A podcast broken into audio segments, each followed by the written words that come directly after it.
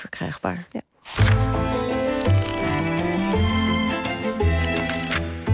Boeken.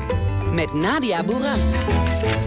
Ja, maar Nadia, uh, welkom. Goedemorgen. Um, je hebt uh, twee boeken en een podcast, Ja. want dat mag ook. Um, laten we beginnen met de podcast. Vind je dat Zeker, ja, dat past uh, bij uh, het gesprek van hiervoor. We gaan van Kamp Erika naar Kamp Amersfoort. Uh, daar gaat eerst mijn podcast over. Of niet mijn podcast, maar de podcast die ik beluisterd heb. De Verdwenen SS'er.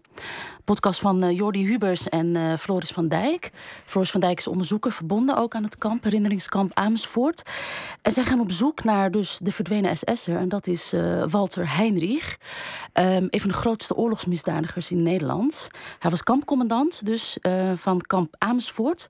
En hij had uh, honderden doden op zijn geweten. En zelf is hij heeft hij persoonlijk de trekker overgehaald... en de 77 Russische krijgsgevangenen gedood.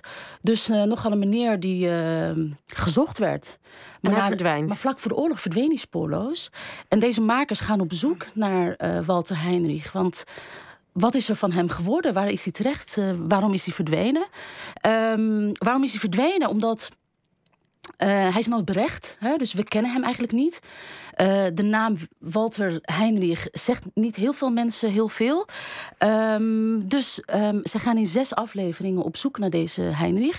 Verschillende scenario's hebben ze van tevoren bedacht. En steeds krijgen ze dan een, uh, nou ja, een archiefstuk dat ze vinden... of een naam die leidt weer naar een volgende plek.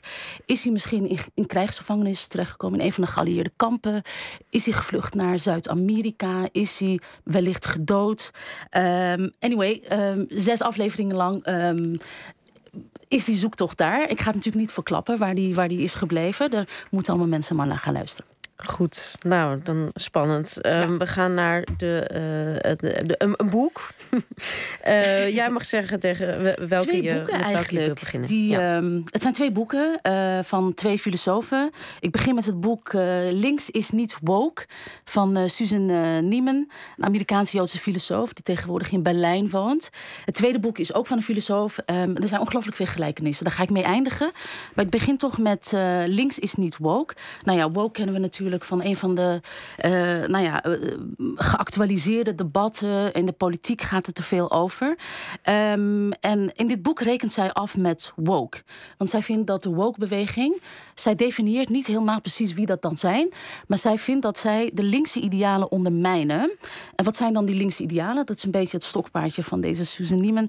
Hè, de verlichtingsidealen. Uh, daar bouwt zij op voort. Haar werk bestaat voor een belangrijk deel uit, nou ja, um, het uh, centraal stellen van die, uh, van die linkse idealen die geworteld zijn in de verlichting. Universalisme, hè, dus het idee dat uh, alle mensen um, ja, dezelfde normen en waarden hebben. Hè, dus dat, er wordt geen onderscheid gemaakt op basis van etniciteit, klasse of gender. Ieder mens is gelijk. Geloof in onderscheid tussen macht en rechtvaardigheid. En het derde is geloof in vooruitgang. En zij vindt dat de woke-beweging alle drie deze idealen niet omarmt. Um, zij vindt dus ook dat tegenover het universalisme waar zij voor staat, doet woke vooral aan tribalisme. Hè? Dat is een term die uit de Bijbel komt. Hè? Dus dat je eigen groep en alles wat daarbuiten valt, dat, dat, uh, ja, dat, dat wijs je af als het ware. En zij vindt dat een, gevaarlijke uh, ja, ontwikkeling, een bedreiging voor links. Zeker nu het fascisme oprukt, zouden we eigenlijk uh, ja, de ketenen moeten sluiten, de rijen moeten sluiten en samen ten strijde trekken tegen uh, het fascisme. Zij is links, zij vindt woke best wel sympathiek. Um, ze heeft er ook echt wel gevoel bij, maar ze zegt: ik snap het sentiment, ik snap de gevoelens, maar de theorieën daarachter die deugen niet. Um, en ik, ik, het, het stemt is het overtuigend voor jou? Niet altijd. Um, niet altijd. Want um, zij zegt bijvoorbeeld dat de woke-beweging... die uh, is geïnspireerd door Michel Foucault en uh, Carl Schmitt. Nou, twee denkers, moderne denkers... die al lang dood zijn. Um, uh, maar ik vraag me af of de woke-beweging dat inderdaad doet. Ik heb nog nooit een woke-activist gezegd die zegt... Carl Schmitt, dat is de man die we moeten volgen. Dat was gewoon een notoire nazi. Dus dat is helemaal geen referentiekader. Dus ik, ik heb veel liever dat Susan Nijman... met de huidige denkers, met name zwarte vrouwelijke denkers, die ook de, de woke-beweging ondersteunen. De woke-activisten nu staan op hun schouders, dat ze daarmee in debat gaat. Dus voor mij was het niet helemaal overtuigend, maar het stemt wel tot nadenken. Goed, dan het volgende boek. Het volgende boek heeft ontzettend veel raakvlakken met het eerste boek. Um, Olufemi Taiwo, een Amerikaans-Nigeriaanse filosoof, uh, docent aan een Amerikaanse universiteit. En hij heeft het boek geschreven tegen dekolonisatie. En de ondertitel luidt een pleidooi voor Afrikaans eigen competentie. En hij zegt, we kennen het proces van dekolonisatie, halverwege de 20e eeuw. Hè, uh, Afrikaanse landen krijgen onafhankelijkheid, uh, politieke en economische autonomie.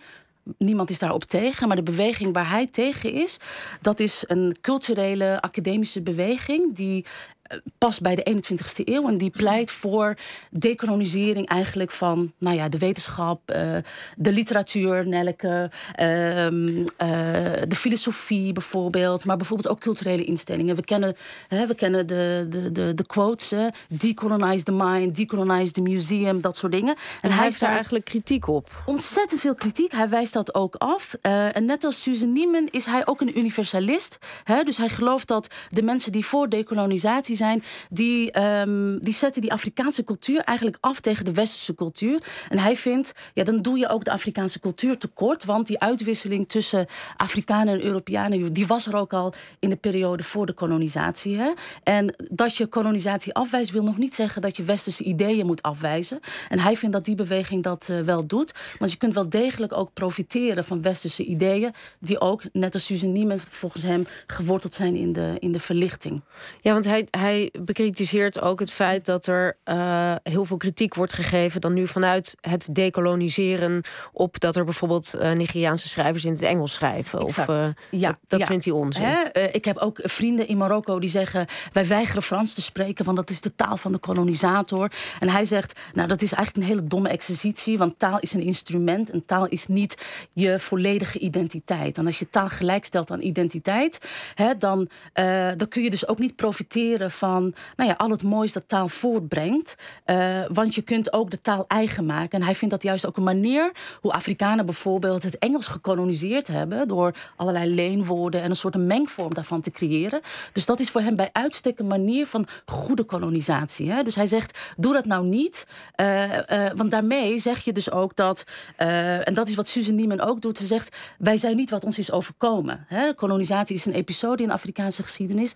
Is niet de volledige Afrikaanse geschiedenis. En als je daarmee dus identificeert, kolonialisme wat alles, um, dan, dan doe je ook de Afrikaanse identiteit, de Afrikaanse cultuur en geschiedenis tekort. En voor wie is dit boek nou bedoeld? Voor wie heeft hij dit geschreven? Nou, ik denk, het past dus bij, bij huidige debatten hè, die, we, die we voeren over woke, over decoloniseren. Is dat nou verstandig of niet? En ik denk dat dat vooral met name voor mensen interessant is die nog een positie kiezen. Hè, die denken, ik vind woke wel interessant, ik heb daar sympathie voor, maar volgens mij is het te, voor mij is het te radicaal of te extreem.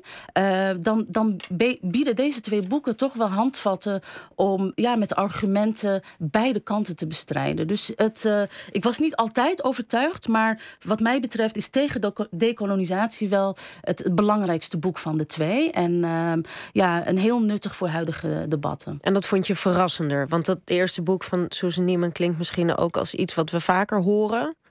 Dit, uh, dit klinkt ja. voor mij dit is vrij nieuw. En ook iemand die hè, vanuit uh, een afrocentrische benadering ook dus kritiek heeft op collega's ook. Hè? Want hij, hij, heeft geen kritiek op het Westen. Hij heeft met name kritiek op Afrikaanse wetenschappers die voor dekolonisatie van de wetenschap zijn. Goed, nou, um, en dan mag je ook zeggen welk uh, boek te winnen is. Wat jij. Uh, nou, nou ja. dat is geen verrassing. Ik denk dat uh, um, Alufemi Taiwo een, een, geweldig boek heeft geschreven met tegen decolonisatie. Het, is ook een, het, is, het begon als manifest, maar nu is het dus een groot boek. En dat biedt toch iets meer verrassende inzichten dan Susan Niemann. Goed, nou, dat kunt u dus winnen. Stuur een mail naar ovtboek.vpro.nl of reageer via onze sociale kanalen. Hartelijk dank, Nadia. volgende Volgende week zit hier Sanne Frequent.